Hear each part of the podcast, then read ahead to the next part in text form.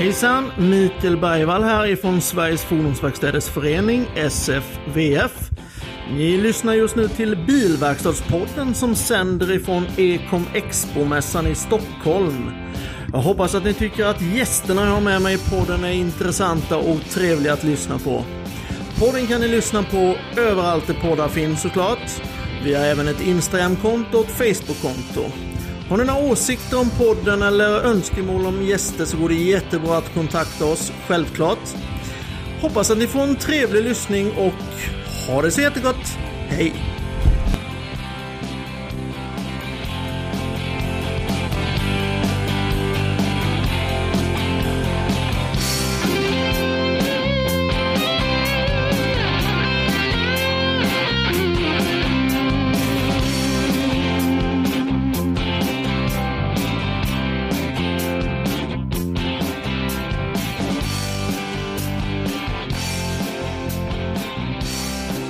Jaha du Johan, då är det väl dags för oss att köra igång lite va? Podden här på Ecom Expo 2022.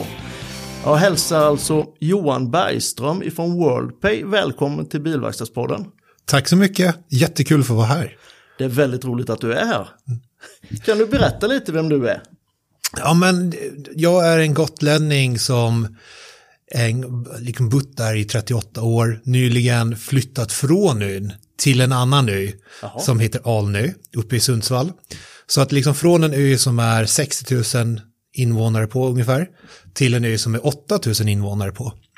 Det är lite skillnad. Det är en stor skillnad eh, och jag jobbar däremot på ett företag som heter WorldPay som du sa och där vi jobbar egentligen med globalt betallösningsalternativ. Och då pratar vi alltid från kortbetalningar till egentligen fakturalösningar och annat också som vi kan hantera. Eh, och jag har väl jobbat i den här branschen i nu, jag började ju 2005 på ett företag som heter Payex, eller på den tiden Faktab Finans. Och det ordet gick ju inte så bra ut när man skulle ut till engelska. Nej, precis. Så att eh, där har jag jobbat nu i, eller där jobbade jag till 2021. Som jag sen då gick över till WorldPay. Och där jobbar jag då med Norden som arbetsmarknad och jobbar med att liksom hjälpa företag att ta emot, göra och hantera betalningar helt enkelt.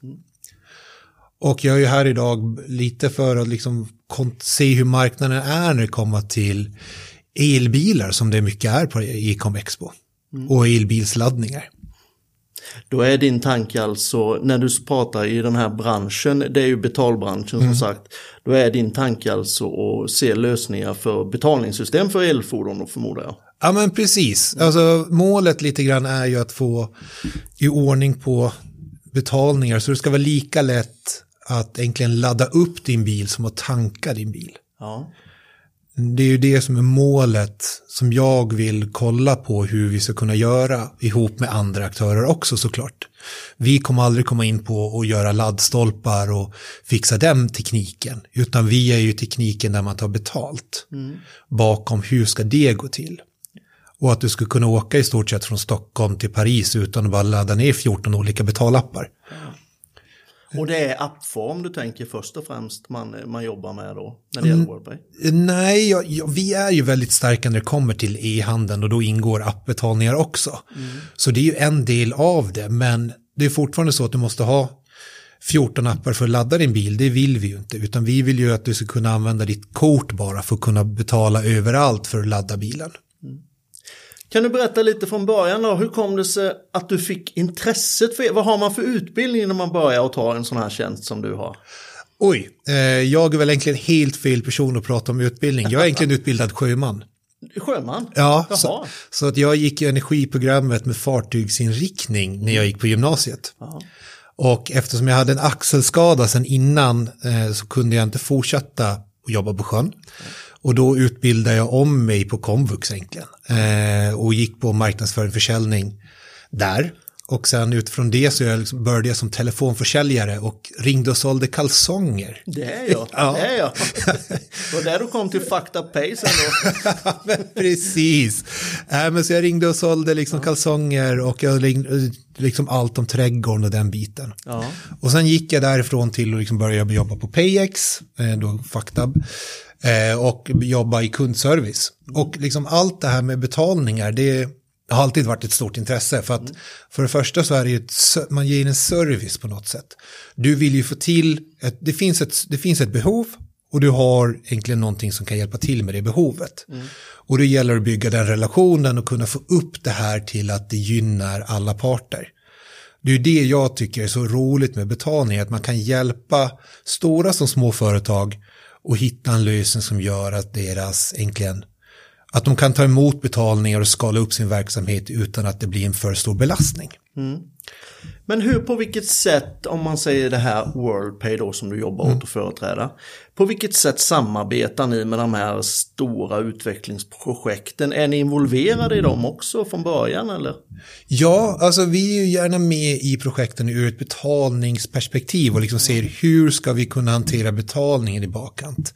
För det finns så många regelverk när det kommer till betalningar och man har väl läst om allt ifrån där PSD2 till eh, Förklara lite vad det är. PSD2 det är egentligen ett, det är ett ganska stort regelverk så vi kommer att gå in på det mycket. Men det grunden med det är att det finns när det kommer till betalningar.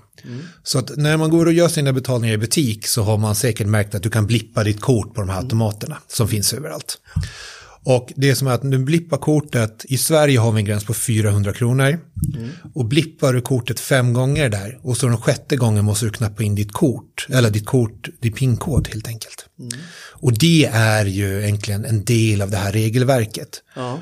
Och det är också hur du ska identifiera dig när du egentligen gör din betalning på nätet. ja. Vi i Sverige har ett väldigt, väldigt bra infrastruktur när det kommer till betalningar.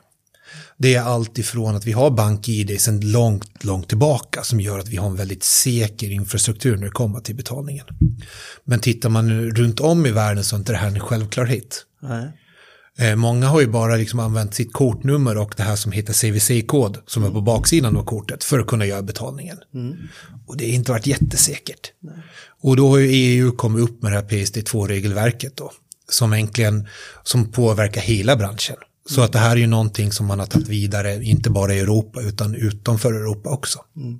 Hur påverkar, eh, alltså när det gäller analysering och sånt på marknaden, hur påverkar oroligheterna nu som händer i öst?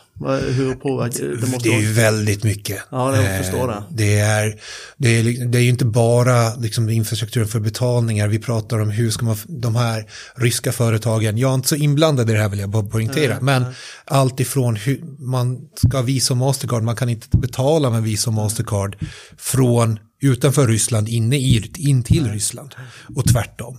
Så det är ju ett stort regelverk där också hur det ska gå till. Liksom vem, hur ska man göra så det blir på ett smidigt sätt.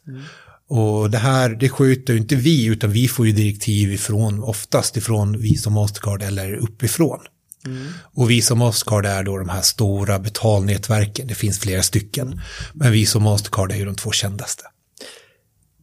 Om vi tar själva organisationen och WorldPay när vi pratar, vi pratar, du nämner ju Visa, Mastercard och så. Hur ser själva, ja kanske ett konstigt ord, men hur, hur ser själva flödet ut? Är det alltså Visa och de som ställer kraven på er eller hur? Eller hur? Ja, alltså du tänker på hur. WorldPay-systemet. Ja, men precis. Om vi liksom går från början då. då. Vi, tar, vi tar dig som konsument när du kommer in och ska göra en betalning. Vi går den vägen fram. Du som konsument, du går in på en sida eh, som, du känner, som du vill behandla någonting av. Och när du är inne på den sidan så väljer, lägger du in allting du vill ha i en varukorg på nätet. Då. Och från den varukorgen så väljer du sen vilken betalsätt du vill använda. I Sverige har vi ju Swish, kort och faktura som de tre största. Så vi säger att du väljer kort. Då skickar man in, då knappar du in ditt kortnummer och det skickas då till någonting som kallas för en gateway, alltså en betalväxel. Och den betalväxeln skickar då vidare information in till oss. Vi tar sedan i hand om den här liksom, informationen och skickar den vidare till din bank och till Visa och Mastercard för att kontrollera att allting stämmer. Det här är en väldigt kortfattad presentation av det. Men vi, man kan gå ner långt på djupet, det känner det behöver vi kanske inte göra. Men det som är bakomliggande är för vi som Mastercard är inblandade i det här. För det finns ju regelverk för hur ska en kortbetalning gå till och hur ska de här pengarna förflyttas. Vad har man rätt att göra och vilka säkerhetskrav ställs. Mm. Och det är ju de som ställer kraven på kortbetalningarna utifrån deras regelverk. Ja. Eh, och sen finns det ju American Express som många har, de har ett eget regelverk istället. Så de går ju inte på samma. Så det finns många sådana regler bakom allting som inte är självklart för gemene man. Nej. Och det är det att vi, då går vi in på vi som Mastercard igen som har ett väldigt stort ansvar. För de är ju, hjälper ju alla banker att få ut sina kort också. Så ditt bankkort är ett Visa, Visa eller Mastercard. Mm. Och då finns det ju liksom, vad får du göra med ditt kort och hur ser det ut? Mm. Eh, nu kan du till exempel gå in och stänga av ditt kort från, från att ta, göra köp utanför Sverige. Det kunde du inte för några år sedan. Och det finns många sådana där saker som kommer upp då. Mm. och sen får man väl säga att kortbetalningar är ju fortfarande det största betalsättet på ett globalt basis. Mm. Vi är ju jättevana med till exempel Swish i Sverige. Jag tror det är över 8 miljoner användare på Swish idag. Och sen så använder vi väldigt mycket faktura för att göra våra betalningar också på nätet. Mm. Och det är ju den här säkerheten man vill ha för att få hem produkten, känna på den, klämma på den och betala sen. Mm. Eh, det man kanske inte alltid känner till att har du ett kreditkort så har du samma säkerhet och skydd som vid en fakturaköp i stort sett. Mm. Du betalar inte för den i slutet av månaden där också. Men allt sånt här kommer ju med krav och säkerhetskrav på hur det ska fungera. Och det kommer ju samma sak när det kommer till bilar och när det kommer till tankning och allt möjligt. Att det finns ju krav på alla att, de ska, att det här ska gå till på ett säkert och bra sätt. Mm. Eh, Worldpay då, om vi tar nu bilar, bensin och, mm. och, och, och, dieseldrivna mm. fordon. Är ni involverade där med något betalsätt också? Eller Nej, där är vi ju involverade mer när det kommer till att vi kan hjälpa till att ta kortbetalningar. Ja. Det är ju det som är vår grund i det här då, att vi hjälper till och genomför den här transaktionen med ditt kort. Och när du sätter in ditt kort i äntligen kortterminalen, mm. knappa in din PIN-kod och sen så ska det dras pengar. Det är där vi kommer in i själva tekniken. Så vi kommer in att vi har kopplingen mellan ditt kort via då via Visa och Mastercard till din bank och kan verifiera att det finns pengar där. Så du kan Ni är alltså säkerhets... Uh... Ja, man kan säga att ja. vi, är, vi är liksom den som står emellan kortbetalningen och ditt bankkonto. Kan du, kan du nämna någon konkurrent så vi förtydligar det lite? Eh, du har ju, vi har ju, jag kan flera stycken. Vi har Adyen, ja. som är egentligen en väldigt stor konkurrent. Vi ja. har Swedbank Pay, ja. eh, före detta Babs. Ja, just det. Det är, är väl väldigt, det är ju rätt känt faktiskt. Ja, eh, så de, är ju, de har ju också det här kortinlösen certifikatet. Mm. Sen har man ju det som hette Bambora förut, nu har de bytt namn till Worldline. Mm. De såg man också väldigt mycket. Och det, så det finns ju flertal andra konkurrenter där ute på marknaden också. Men det är ju de som man kanske känner igen mest då. då. Ja, så det är ett kortinlösensystem kan man säga som, ja, som fungerar internationellt då. Precis, och det är ju väl grunden i det att vi kan, för att kunna hantera kortbetalningar så måste du ha godkänt i varje land mm. för, att få, för att hantera det här. Och du kan ansöka om ett europeiskt certifikat och du kan ansöka om, och sen måste du liksom komma in i varje land och varje land har egna regler.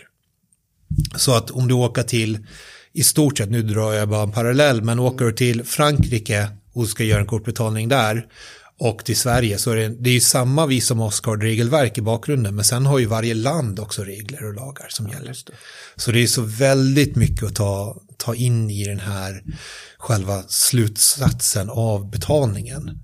Och det, det, är det som gör att vi finns på marknaden också för att mm. det måste finnas någon som kan hantera och ha koll på de här regelverken och hjälpa företagen ute och komma fram och kunna göra sina betalningar. Mm. Men är Worldpay då, är det ett svenskt huvudbolag? Eller? Nej. Nej. Eh, Worldpay är ett bolag från England. Mm. Eh, och vi kan väl säga så här att det, det, det var ett brittiskt bolag från början. Och sen så 2019 så fanns ett företag som heter Fidelity Information Service. Mm. Och de köpte upp WorldPay 2019 och tog in det i sin organisation. Så att vårt huvudkontor ligger i Jacksonville, Florida. i USA. Eh, och det är liksom det globala huvudkontoret. Sen har vi ett huvudkontor i Europa då, mm. för WorldPay som är i England. Ja, så att WorldPay är bara egentligen ett marknadsnamn. Så det heter ju WorldPay from FIS. Ja, just det. Eh, för liksom det som vi har i våra loggar med mera som marknadsnamn. Mm. Men huvudbolaget heter ju Fidelity Information Service. Ja, just det. Om vi tar själva kärnan då, eller det vi är här för idag. vi är ju på World, eh, eller vad säger jag, Ecom Expo. Ja. Eh, när började ni utvecklingen inom elfordonssidan med, eller när började ni jobba och anpassa ert system efter elfordonstransportutvecklingen? Ja, alltså det där är, det kom egentligen upp på tal att vi, vi förde samtal med flera andra intressenter i det här. Mm. Eh, och där vi liksom pratade om allt rörande betalningar, skulle jag vilja, vilja säga. Och då kom det som heter e-mobility, som är egentligen elnätverkens namn på många sätt. Då. Och då började vi prata om det här, hur ser det ut idag? Ja, men alla har appar överallt för att kunna göra det här med laddning.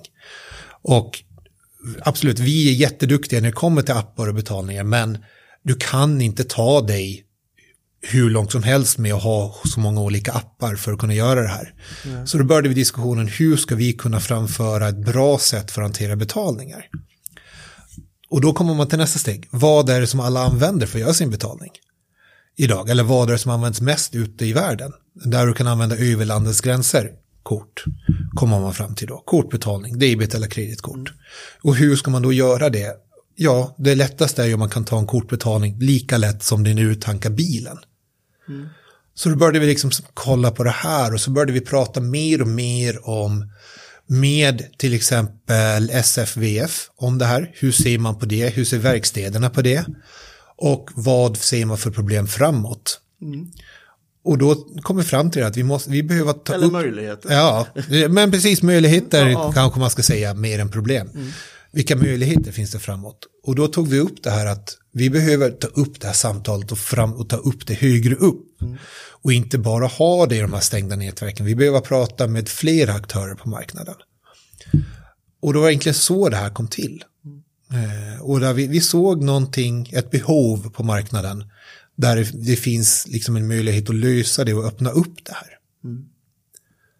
Det var egentligen där vi kom in lite grann. Så att vi kommer ju bara in från betalsidan. Mm. Och liksom ser hur ska det här kunna gå till på ett betalvänligt och bra sätt. Mm.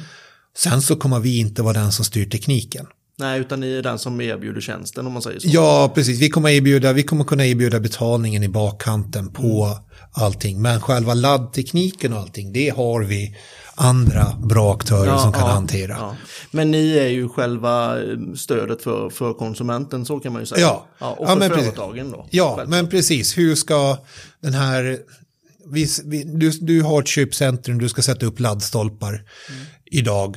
Då, är det, då kommer du troligtvis an, ha en app som du ska, som du ska ta betalt med per idag. Ja, det fungerar så idag, eller? Ja. Kan du, ja, för jag känner inte till, jag har inte elbil nej, själv. Nej, men, men alltså idag i nio fall av tio, det finns ju andra sätt också. Men om du ska parkera på, nu tar vi till exempel en ICA-parkering idag. Då är det ju, och du har en laddstolpe där. Då med all sannolikhet så är det en app du måste ladda ner för att kunna börja tanka din bil. Så då ska du ladda ner en app, du ska lägga in ditt kort och du ska då välja vilken station det är och sen kan du ladda bilen. Mm. Eh, så är det i de flesta fallen idag. Mm. Eh, det finns undantag såklart, men så är det i de flesta fallen idag. Och det vi vill få till är ju liksom att istället för att du ska ladda ner den här appen så ska du bara kunna blippa ditt kort eller nudda ditt kort på en Är det sånt som eh, jag nyligen har upptäckt är väldigt smidigt, det är ju Apple Pay det här som man bara mm. lägger fram telefonen. Precis, det är, ja. det är liksom det som ett stöd för det här då. Ja. Det du måste ha, att du måste ha en hårdvara som kan läsa av det här. Ja. Och det är det vi för upp en diskussion med och säger vad finns det för intressenter för att vara med och ta fram det här och göra det här på ett smidigt och enkelt sätt. Mm. Och Apple Pay och Samsung Pay och Android Pay är väldigt bra. Liksom, det är någonting som kommer väldigt starkt, många användare idag. Och det, det, det gör det väldigt enkelt. Så kan du bara ha någon som kan läsa av det här så kan du betala din laddning så istället. Mm. Och då kan du i stort sett nu när jag flyttar till Sundsvall, då kan jag ta mig från Sundsvall till Gotland och bara ladda med mobilen. Och inte ladda ner någon app, utan jag kan bara blippa mobilen mot den. Så styr den rätt mot rätt app då alltså? Ja, men den styr egentligen... Den... Mot rätt betalsystem? Ja, ja, precis. Du har ju ett kort inkopplat i Apple Pay. Mm, mm. Och det, det, är egentligen ett vanligt kort som du sen så har pengar på på ett bankkonto eller ett kreditkort. Och sen blippar du det och då känner den här, då är det som du har tagit ditt kort och tagit mot en kortterminal. Och så känner den av, finns det pengar, ja eller nej? Och kan du göra den här transaktionen? Ja, det kan du. Mm. Så det, ganska, det, det, låter väldigt enkelt. Det är inte så enkelt som det nej, låter alltid. Nej. För är, man behöver ha tillåtelse från vissa regelverk för att kunna hantera det här.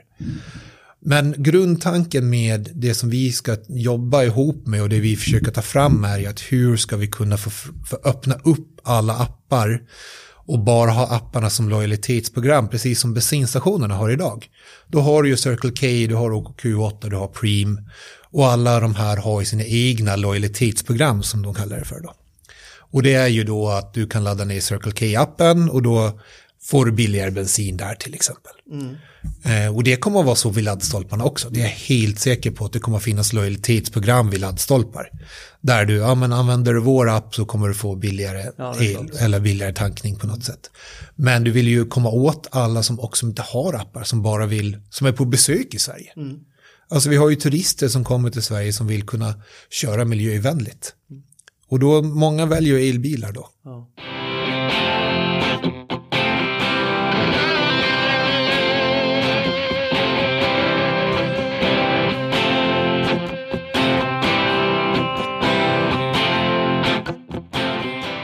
Ja, då sitter jag här med styrelseordförande i SFVF och före detta VD i SFVF. Bo Eriksson, välkänt namn i branschen. Hej Bosse och välkommen hit. Tack så mycket. Hur är läget idag? Det är lite förkyld men annars är det bra. Annars är det bra. Ser vältränad ut tycker jag. Solbrand. Ja, tack så ja. Lite skidåkning i Åre. Ja, jag förstår, jag förstår. Du Bosse, om vi skulle ta och prata om SFVF och engagemanget inom eh, elsidan och elfordon och el, ja, hela utvecklingen när det gäller el och fordonsbranschen. Hur och vad gör SFVF? Och hur pass engagerade är vi? Är, vi är väldigt engagerade och har varit under ganska många år vid det här laget. Eh, det började egentligen med ett, ett så kallat RISE-projekt, eller Vinnova-projekt. Eh, som vi fick vara med i och det handlade egentligen om risker med elfordon. Och det var så det, själva frågan kickades igång. Mm. Eh, det var ju långt innan, innan vi hade den här stora mängden elfordon som vi har idag. Ja.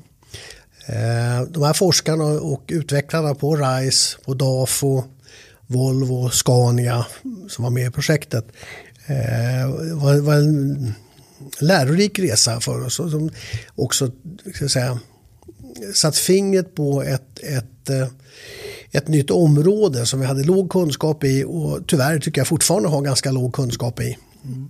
Eh, nu kan man väl säga så här att alltså elfordon är säkra fordon eh, i sitt normala skick när de mm. fungerar som de ska. Men, men eh, sen krockar vi dem. Mm.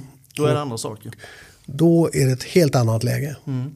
Eh, det var lite det som också låg till grund för att, som i skuggan av det här RISE-projektet, att vi tillsammans med MRF och Bill Sweden, eller Mobility Sweden som de heter idag, tog fram branschstandarden för elfordon. Vi var tvungna att säkerställa på något sätt att eh, det är egentligen inte märkvärdigt än så att man ska ha rätt kompetens. Ja. Och då frågar sig vilken nivå ska man ha för olika typer av arbeten. Mm. Och den sjösattes ju då i augusti 2021. Mm. Den är bra. Eh, den är, eh, så, så till den är ganska enkel. Mm. Det eh, finns en del lagstiftning man kan titta på också. Sen kommer däremot nästa steg och det är betydligt svårare. Och då hamnar vi i de fordonen som är krockade, det vill säga att det inte är normaltillstånd längre. Mm. Det är där vi har ett bekymmer. Mm. Och där pågår det ju lite olika arbeten. Det ena arbetet pågår i Sverige med olika företag mm. och organisationer för att ta fram eh, och titta på risker. Mm. Så fall, vilka, vilka är riskerna och, och, vad, ska vi, vad ska vi göra för att minimera de här? Mm. Sen startade vi upp relativt nyligen eh, tillsammans med AIRC som är en europeisk branschorganisation. Eh, ett, ett, kanske betydligt större arbete för det är med 14 länder, 15, förlåt, mm. Japan är med också.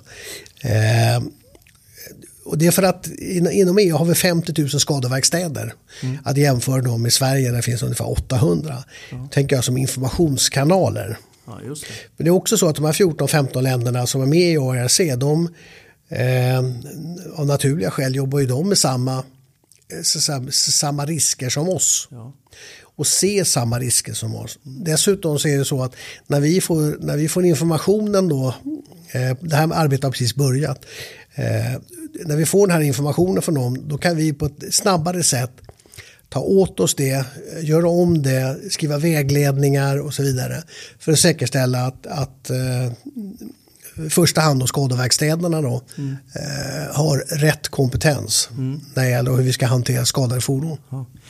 När det gäller då, om vi backar lite, när det gäller branschstandarden för elfordon och el säkerheten.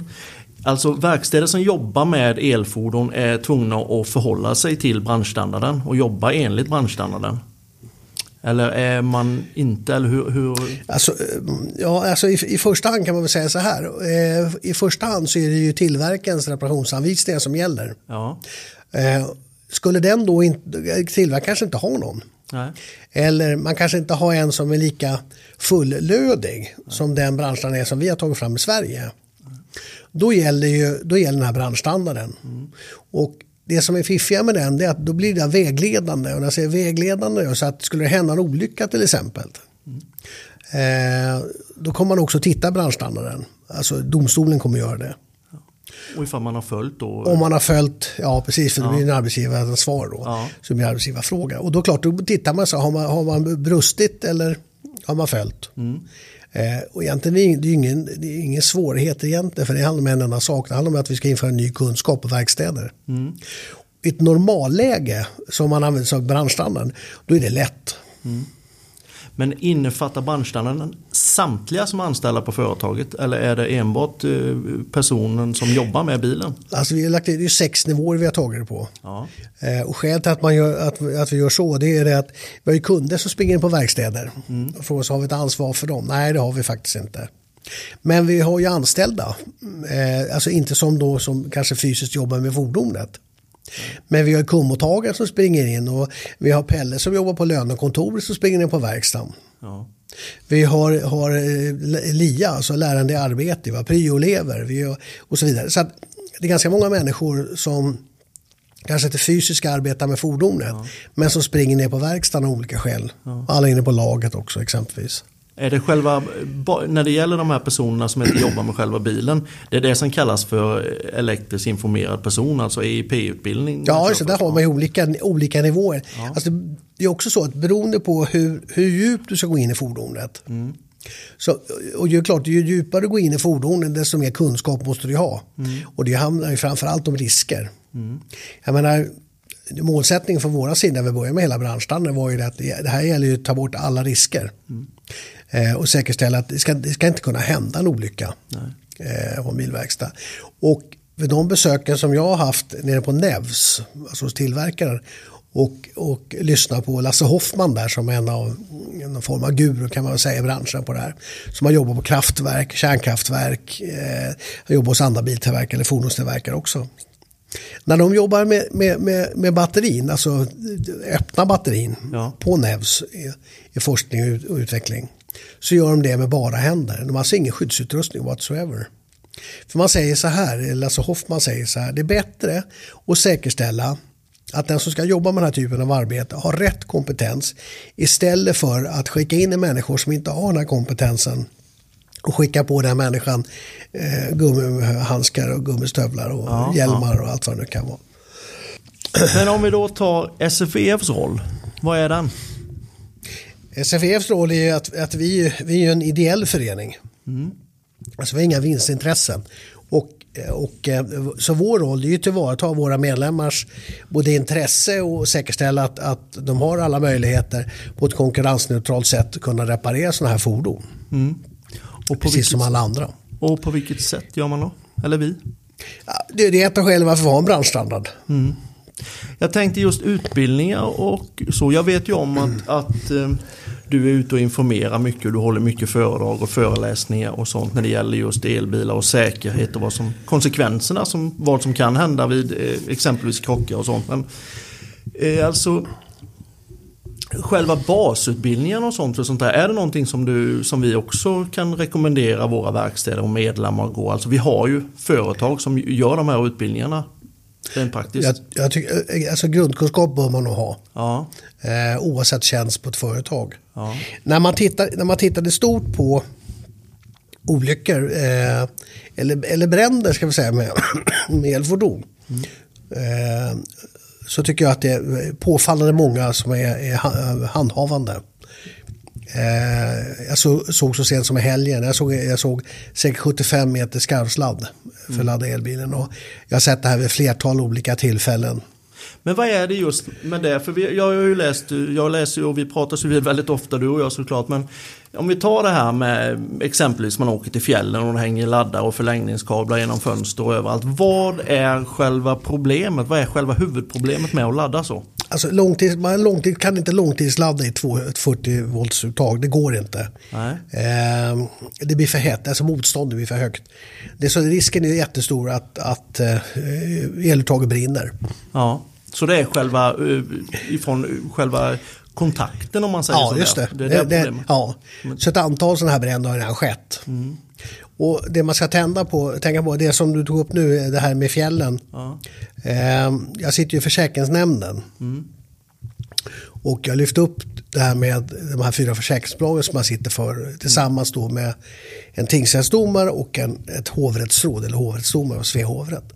Eh, och fråga om, om nu en sån här en bilägare, en elbilsägare tänder eld på ett hus eh, för att man långtidsladdar i ett 240 volts uttag. Vad är det en ersättningsbar skada? Och det säger så ja men jo, så har vi gått igenom då, titta på försäkringsvillkor och så vidare. Jo, det är ersättningsbar skada.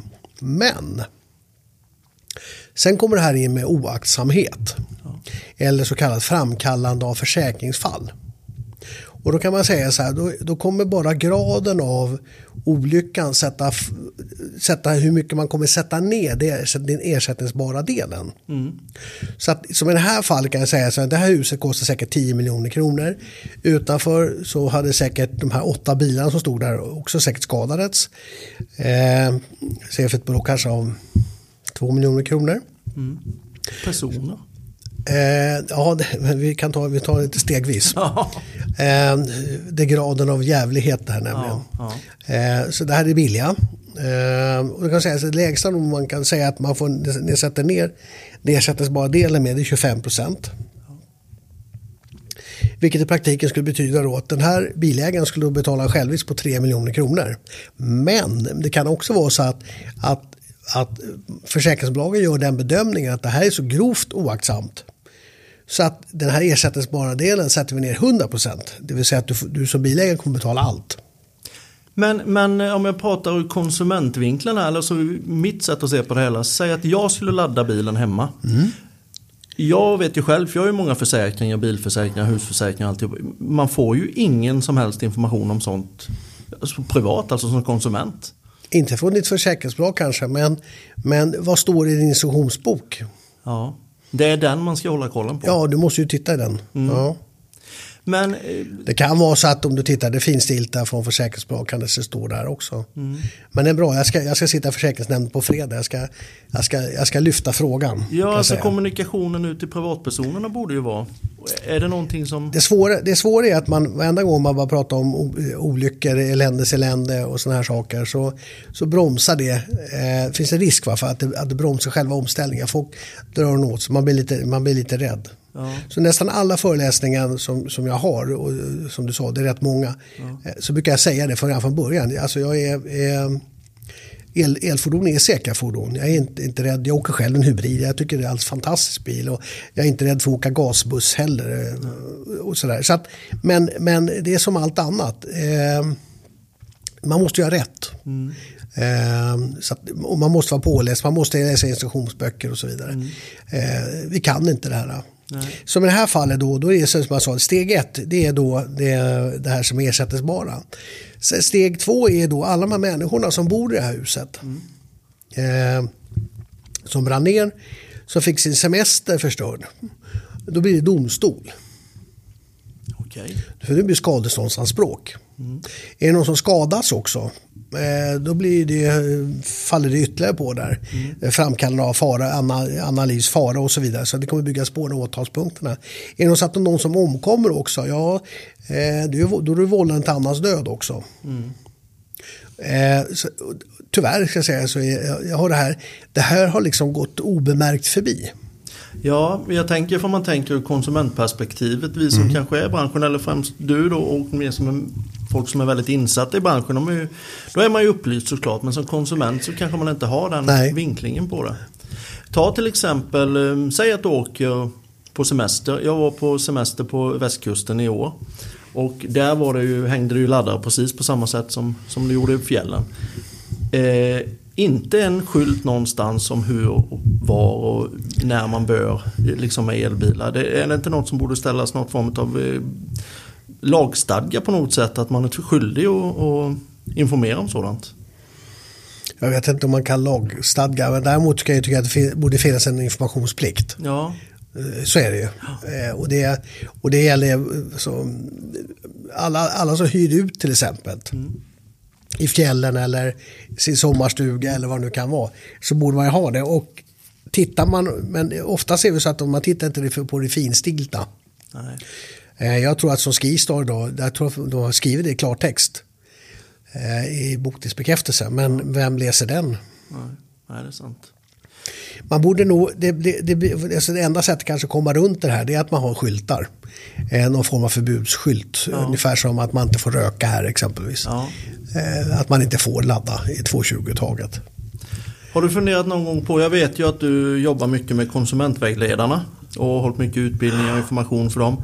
Har du funderat någon gång på det här vid just säljtillfället av bilen från bilförsäljaren?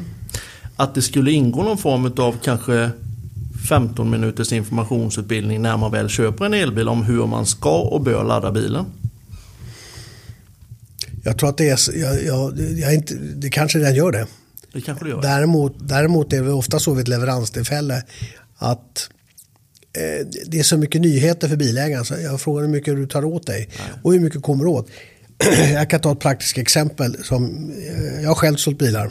Jag höll på med företagsförsäljning. Och eh, i Volvo-världen och då gjorde man så att vid kontraktskrivandet avtalsskrivandet så skickar man med kunden en, en eh, VHS-kassett och en instruktionsbok. Ja. Alltså för att förbereda bilägaren på sin nya, sin nya bil. Mm. Eh, sen vid leveranstillfället så frågar man ju bilägaren. Har, har du tittat på filmen och läst instruktionsboken? Och då glömmer jag aldrig det. Eh, vad en, en sa. Han sa så här. Du, jag ska hälsa på min gram. Han tyckte filmen var kanonbra. Mm.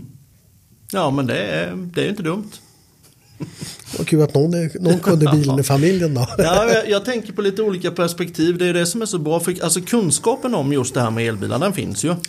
Men sen att implementera den hos de som använder just själva elbilen. Ta när du tar ett körkort till exempel. Eller när du, jobb, när du går fordonsutbildningen hur pass mycket tid läggs det egentligen? Alltså när du tar körkort. Nu är ju elbilarna, det är ju utvecklingen, det är ju det som kommer.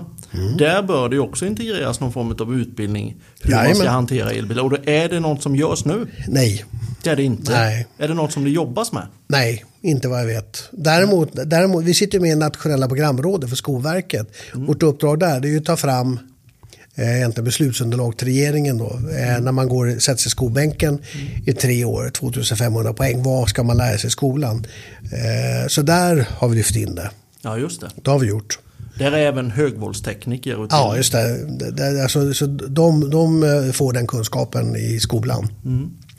Eh, så att det, det, är på, det är på gång. Men samtidigt, vi är en förfärlig massa människor som, som berörs av det här. För det är ju inte bara verkstäder eller bilägaren. Vi har ju bärgaren också. Ja. Och frågan så hur mycket kan en, eh, generellt sett bärgarna om det här? Och när bärgaren kommer med bilen på natten till en bilverkstad som är krockad. Mm. Hur, hur, var ställer de bilen då? Ställer de där bredvid, jag menar, vi har ju varit med om bilar som har självantänt sex gånger på 14 dagar. Ja. Vi har ju varit med om bilar som har, tänt, som har börjat brinna först efter tre veckor efter krockögonblicket. Ja. Och det är ju sådana här saker som gör att, att det blir svårt. Jag besökte en stor, stor, stor verkstad häromdagen och jag frågade dem hur många karantänplatser har ni? Då hade de en. Mm. Eh, och det är sådär att eh, en del biltillverkare säger att man ska ha 15 gånger 15 meter, alltså 300 kvadratmeter. Mm. Eh, men hur ska du kunna ha en sån karantänplats i Stockholm? Nej, det är ju ganska omöjligt. Det går inte, nej precis. Dessutom är det så här om, om nu inte rutorna sitter i bilen och batteriet kanske är förstört eller batteriet kanske är öppnat också. Mm. Så är det inte så bra om låta den här bilen stå utomhus och det regnar rakt ner i batteriet för det kan ju också få konsekvenser. Mm. Men frågan kunskapen om detta, eh, finns det? Mm. Men det är sånt som, som du jobbar på liksom för att öka informationen om och försöka få till de här utbildningarna alltså, det, Precis, det är ju det vi jobbar med tillsammans med en del mm. som DAF exempelvis. Ja. Då. Hur ser planerna ut då framöver för SVF? Vad är tanken med informationen och vad är det vi kommer att gå ut med? SVF och samarbeten och sånt. Eh, alltså I första hand det handlar om ny kunskap. Mm. Det, är, det är inte svårare än så. Nej. Eh, men kommunikation är nog bland det svåraste man kan hålla på med. Eh, samtidigt som man ska sprida den här informationen, eh, återigen, alltså det är inga farliga fordon, men det förutsätter att vi verkligen som, som fordonsägare laddar på lätt sätt och man läser instruktionsboken och så vidare. Mm. Eh, vi på verkstäder, vi som berörs, både framförallt på skadeverkstäderna, mm. måste ju ha kunskapen. Men den här kunskapen, det går ju inte, inte som att gå på bokhandeln och köpa en bok och läsa in sig i någonting, för den finns inte. Nej. Utan, utan vi är i lärofasen och i den här lärofasen som vi alla är i eh, ställer till det för oss lite. Och det, problemet med det är att om om det sker för många olyckor mm. och människor omkommer eller, eller far illa på andra sätt eh, så kommer det bromsa hela omställningen. Mm. Eh, och då vågar knappt, många knappt prata om att det finns risker. Nej. Det finns risker med allt så det är ingenting som är konstigt. Nej, är men, eh, eh, men, vi måste kunna jobba med det här och det är egentligen bara att fortsätta det arbete som, som vi som har på den inslagna vägen. Mm. Säg att eh, jag köper en ny elbil. Jag är ute och åker med elbilen och sen är det någonting som börjar låta eller någonting som börjar skramla eller sådär och jag vill ta bilen till en verkstad för att kolla över den. Kan man köra en elbil till vilken verkstad som helst? Alltså det måste ju verkstaden själv svara på eh, om de har den kompetensen då, så att de ja. eh, kan göra den, den så att säga, en undersökning av en el, ett elfordon. Ja. Sen, sen, men innan, innan vi ens gör det skulle jag säga så här att börjar skramla, eh, man kanske har kört på någonting. Frågan är, ska man köra bilen överhuvudtaget? Nej. Nej, jag vet inte. Vad, vad... Eller ska man ta en bärgare? Ställ, ställning av allt, ta en bärgare. Mm. Vad är din rekommendation? Alltså det går inte att säga så. Eh, alltså du har ju en bärgarförsäkring så att eh, ska jag generalisera lite grann säga så här, nej ta en bärgare. Mm. Mm. Eh, för jag menar, börjar det hända någonting så, så du kan ju få, du kan ju få följdskador också. Mm. Som? Ja, det beror ju på felets art. Mm. Uh, Men säg att, du, säg att du kör mot en sten och, och smäller till batteripaketet. Det blir inget bra. Nej, då ställer man bilen direkt. Ja. ja då är det bärga, för då, ja. det, då kan det innebära Ja, det, då, finns det, då finns det någon förhöjd risk skulle jag säga. Det finns ett antal sådana här, man kan gå in på, på YouTube. Mm. Eh, och titta just på det som du säger nu. Man har kört på någon järnskrot, eh, sten eller någon metallföremål som har legat på vägen. Ja. Eh, och sen så går en liten stund och så blir det en kortslutning i batteriet. Mm. Och då är det, ja det är klart. Nej, då blir det inget, då, då, då blir, då blir det inget bra. Så att, och det är också att när, när, när elfordon brinner, vi tar bilar då, mm. eh, så blir det ganska farliga gaser. Det är allt från det är däcken, inredning, det är köldmediumet som brinner, det är, det är vetefluorid i batteriet. Men sammantaget så blir det rätt, rätt eh, alla, alla gaser kan man säga är farliga. Då. Mm. Eh, det är därför vi har hållit på nu ganska under en tid ska vi säga tillsammans med DAFO Vehicle mm. Protection och titta på eh, olika typer av lösningar, alltså varningssystem. Alltså jag, jag, jag har döpt dem själv, jag kallar det för early warning. Mm. Eh, för det är det vi vill ha. Det börjar egentligen med att vi börjar låna utrustning från brandkåren och börja titta och börja mäta med IR. Alltså för en förhöjd temperatur, en temperaturhöjning i batteriet. Bekymmer med det är att, att eh, det är svårt att mäta temperaturhöjningar eh, för så mycket skal runt batteriet. Mm. Eh, och och det tar för lång tid innan man då kommer upp i temperaturhöjningen. Innan temperaturhöjningen kommer så kommer det gaser däremot. Mm. Så där finns det då två olika system. Det ena systemet är, är släppt. Och jag vet att tyskarna håller på att titta och ska köpa in det här nu då, för vi hade möte om det nyligen. Eh, där jag fick ett meddelande efteråt att de har skickat en signal till deras inköpssystem. Och det är som en, en, det är en liten rökgasdetektor. Alltså ungefär som en brandvarnare vi tänker då. Ja. Men den här tar de här gaserna som uppstår när batteriet, eh, när du får ett batterifel ja. och släpper ut gaser. Så, och den reagerar oerhört mycket snabbt ja. om vi jämför. Och den, det är som en liten hockeypuck kan man väl säga. Den kan man ju placera in i bilen eller lokalen man befinner sig. Mm. Det ena systemet. Det andra systemet som man nu testar nere i Dubai eh, för någon månad sedan och som, som egentligen är klart. Det är, inte, det är inte klart för lanseringen men systemet är klart. Ja. Och det är ungefär eh, om man tänker sig att man har ett parkeringsgarage eller, eller inne på en bilverkstad. Då har du en sån där rökgasdetektor som är kopplad som till ett rör.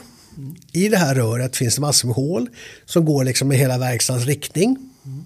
Och så är det massor med hål i det. Så att, eh, och det kan vara upp till 40 meter långt. Mm.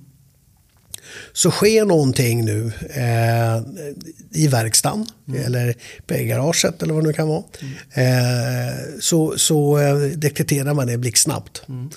Eh, och sen skickar man ju då, kan man ju också då, bestämma själv vem som ska ha signalen då att nu går det åt helvete. Men det är inget som syns på panelen, alltså instrumentpanelen eller sånt? Nej, nej men det här, sitter, det, här, det här sitter ju eh, alltså, i taket. Ja, på verkstaden då? Ja, ja just det. Ja. Eller, eller p-garaget då. Mm, mm. Det, det, är ett bra system och som reagerar fort också. Det här, det här kommer gå ut massor med information om så småningom. Då. Det är bara våra linda nu då.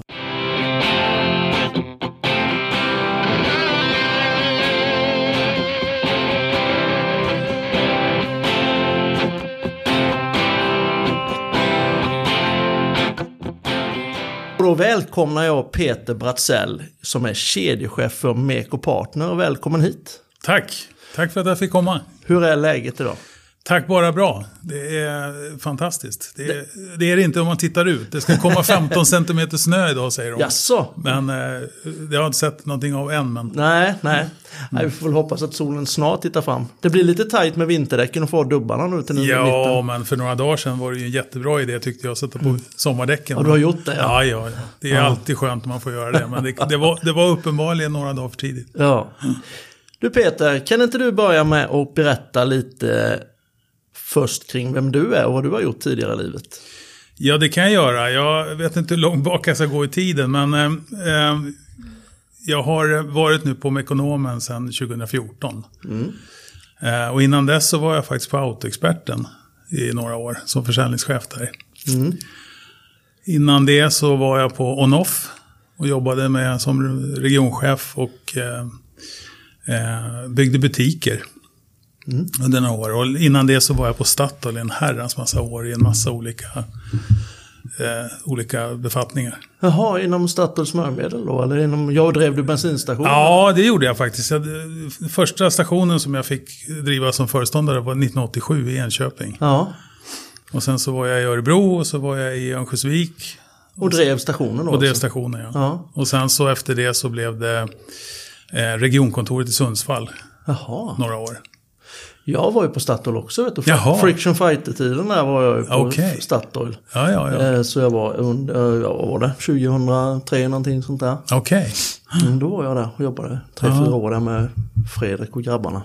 Ja, jag slutade 2001. Ja, okay. Jag började 1978 så det, det, det varit en faslig massa år. Ja, ja, det förstår jag. Det förstår jag. Mm. Hur kommer det sig att det blev fordonsbranschen då, från början? Eh, ja, du, jag, jag jag var ju som sagt på Statoil i massa år och gjorde en massa olika saker. Jag var affärsutvecklare och distriktschef och butikschef och allt möjligt. Uh, och sen så, så, så fick jag ansvaret för ett stort IT-projekt, ett stort skandinaviskt IT-projekt. Uh, och jag minns att det var någon dag som så satt jag och tittade ut över det här kontorslandskapet med alla de här IT-proffsen mm. med jättetjocka glasögon. Och så funderade jag för mig själv, vad sjutton gör jag här? Mm. Så då började jag titta mig runt lite grann eh, och då sökte man en, eh, en chef för butiksutveckling på en off. Ja. Så jag, så jag sökte den, det jobbet och hamnade där. Eh, och, och trivdes jättebra med det. Jag jobbade där väl fem år någonting. Eh, och sen så, och jag hade inga egentligen planer på någonting annat. Så, men, men så såg jag en annons att eh, Autoexperten sökte en försäljningschef. Ja. Eh, Jag tyckte det lät spännande. Och eh, jag menar bilar och, och, och motorcyklar och motorer har jag alltid gillat. Så, att, eh, eh, så jag sökte den tjänsten och fick den. På det sättet hamnade jag in i, in i, in i den här världen. Då. Eh, och då ansvarar jag för butikerna eh, på Autoexperten. Ja, just det, just det. Har du själv någon fordonsutbildning i grunden? Eller? Nej. Intresset? eller? Intresset finns men, eh, men inte någon formell utbildning. Nej, Nej, det har jag inte. nej. Hur länge har du varit på Mekopartner nu då? Hur kom det sig att du blev Mekopartner? Ja, det... Jag började som sagt 2014 på, på, på Mekonomen och det var väl ett eller två år tror jag. Eh, efter det så, så, så, så fick jag den här tjänsten då. Och det, det, det var så att eh, på, i det skedet så hade man ingen ansvarig utsedd för Mekopartner. Eh, och jag jobbade med något annat projekt och så fick jag ett uppdrag att titta på på Mekopartner. Vad, man, alltså vad har man gjort tidigare, hur ser det ut nu och vad borde man göra framåt. Eh, så jag gjorde ett, ett förslag på en organisation och, och, och sådär. Och, så, och, och föreslog mig själv som chef. på temat eh, blyga killar får aldrig Ja. kyssa vackra Det kvinnor. här är rätt. Det är sant. Eh, och eh, ja, så, så, så blev det då. Så då, så dess har jag... Var det då själva kedjan startades? igen? Nej, nej, för sjutton. Den, eh, den hade väl varit igång, tror jag, i eh, åtta år ungefär.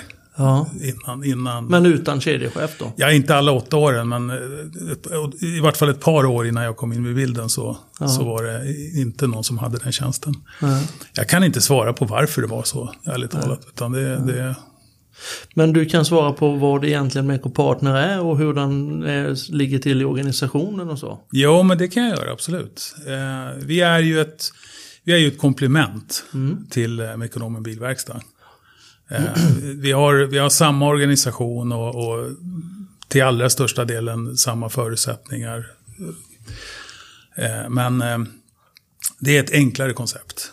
Alltså om du säger att du är ensamskruvande till exempel. Du har en, en, en verkstad, du vill inte ha någon anställda utan du skruvar själv. Då, då är Meco Partner ett, ett jättebra alternativ.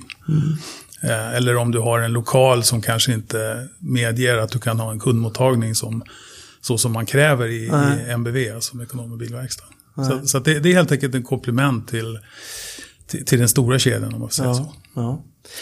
Men som sagt, vi sitter ju här på Ecom Expo-mässan. Mm. Hur förbereder ni era mekaniker i Meko Partner för just elbilsutvecklingen i Sverige? Är det någon form av utbildning och så?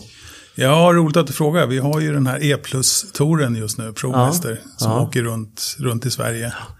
Och utbildar en faslig massa mekaniker. Ja. Där går alltså era Meko Partner... Ja, det- det har ju varit en... eh, Det har varit kö så att säga till de här platserna. Det har varit ett väldigt stort intresse.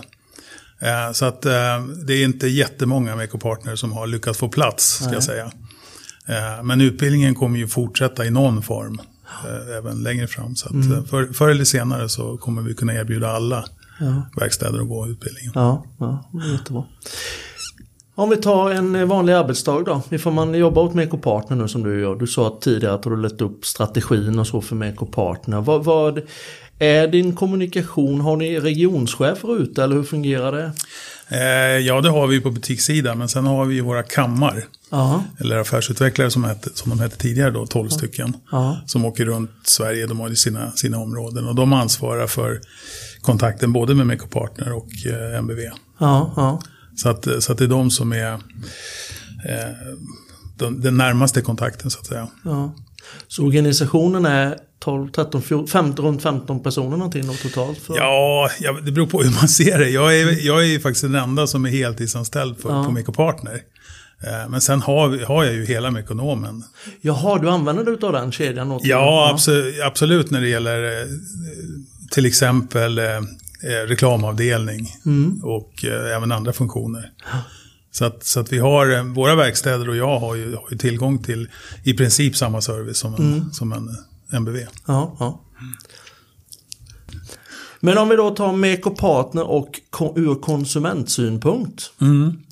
Är det som så att man som konsument handlar utav Meko Partner eller är, det, är man i Mekonomen-butikerna då man handlar eller hur? Ja, Meko Partner har ju inga butiker utan vi har ju bara verkstäder. Ja. har, eh, i, I dags dato har vi 116 verkstäder runt om Ja. i Sverige. Eh, och vill kunderna ha någonting annat, köpa reservdelar och så, då hänvisar vi såklart till Mekonomen-butiken. Men själva servicen på en bil, liksom, den kan ju komma in till en Meko Partner-verkstad och göra diagnoserna precis på samma sätt som, som du gör på Mekonomen bilverkstad exempelvis då. Absolut, absolut Mm. är det så. Det är, det, är, det är ju inte någon kund som, som lämnar en, på en bil, sin bil på en bilverkstad och förväntar sig någonting annat än ett hundraprocentigt jobb. Nej. Eh, Däremot så kan det ju vara så att eh, några av våra mindre verkstäder kanske inte riktigt har all den utrustningen som krävs. Det är ju ganska mycket som krävs idag om du ska göra alla jobb. Eh, Så det händer naturligtvis att man får tacka nej till en kund och hänvisa till, till en annan verkstad. Men, men det, är- det, det är fåtal som, Ja. som, det, som det blir så. Om vi tar då dina egna åsikter och dina egna synpunkter när det gäller just kedjetillhörighet. Hur viktigt är det för en bilverkstad att tillhöra en kedja?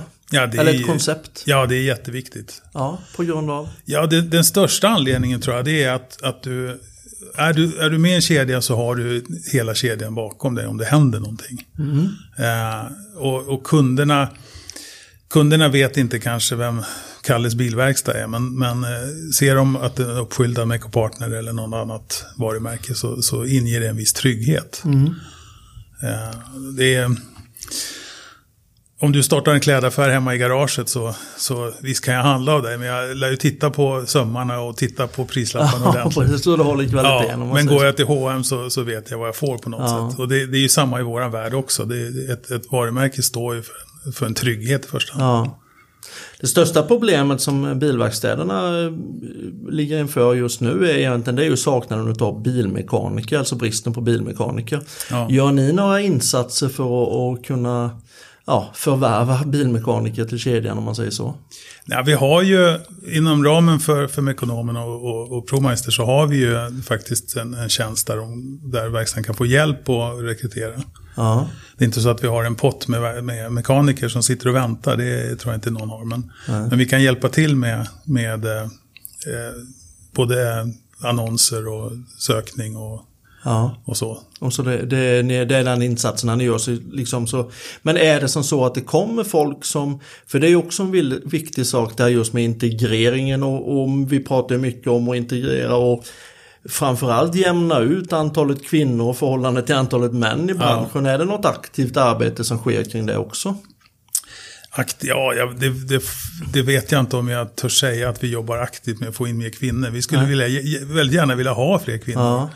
Eh, Men eh, det börjar ju i tidig ålder med att man, man går fordons, fordonslinjen. Och, och där försöker vi ju vara med och, och styra innehållet och få det, få det så, så bra som möjligt. Men vilka, vilka krav liksom ställer ni på, på de som startar en Make Partner-verkstad? Ja, vi kräver ju att man ska kunna, att man, att man kan eh, utföra reparationer på ett fackmannamässigt sätt. Ja. Det, det är väl det korta svaret på det. Eh, när det gäller just eh, verkstäderna och sånt, är det krav att man är godkänd bilverkstad också eller hur?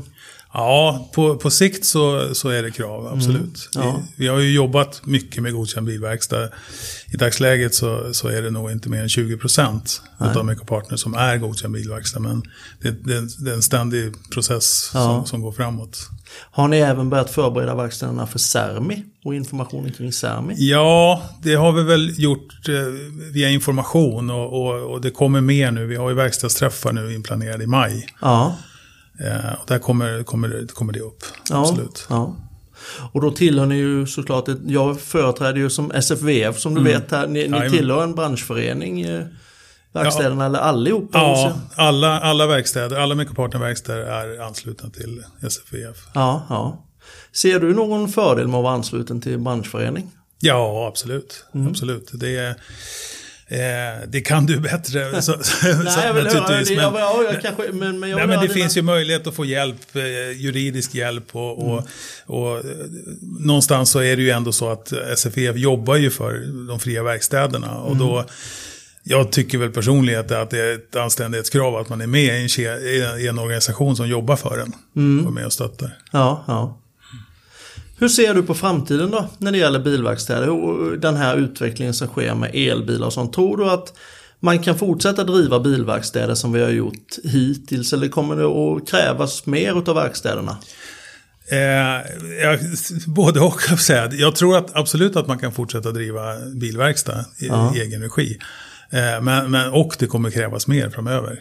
Absolut. Det, det är ju utvecklingen, eh, oavsett i vilket område så är det ju sällan utvecklingen stannar av. Den går ju bara fortare och fortare. Ja. Så att, eh, så att eh, ska man driva bilverkstad eh, i ett perspektiv 10-15 år framåt, då, då måste man eh, se till att utbilda sig och man behöver ha den utrustning som Ja, krävs. ja. Det, Är det ut, utbildningen du ser som är den främsta, eh, alltså just för att kunna överleva om man säger så? ja, utbildning och utrustning. Ja. Så att du kan ta hand om de här bilarna som kommer. Både elbilar och, och, och alltså bilarna blir ju mer och mer avancerade oavsett eh, bränsleform. Ja, ja, så är det.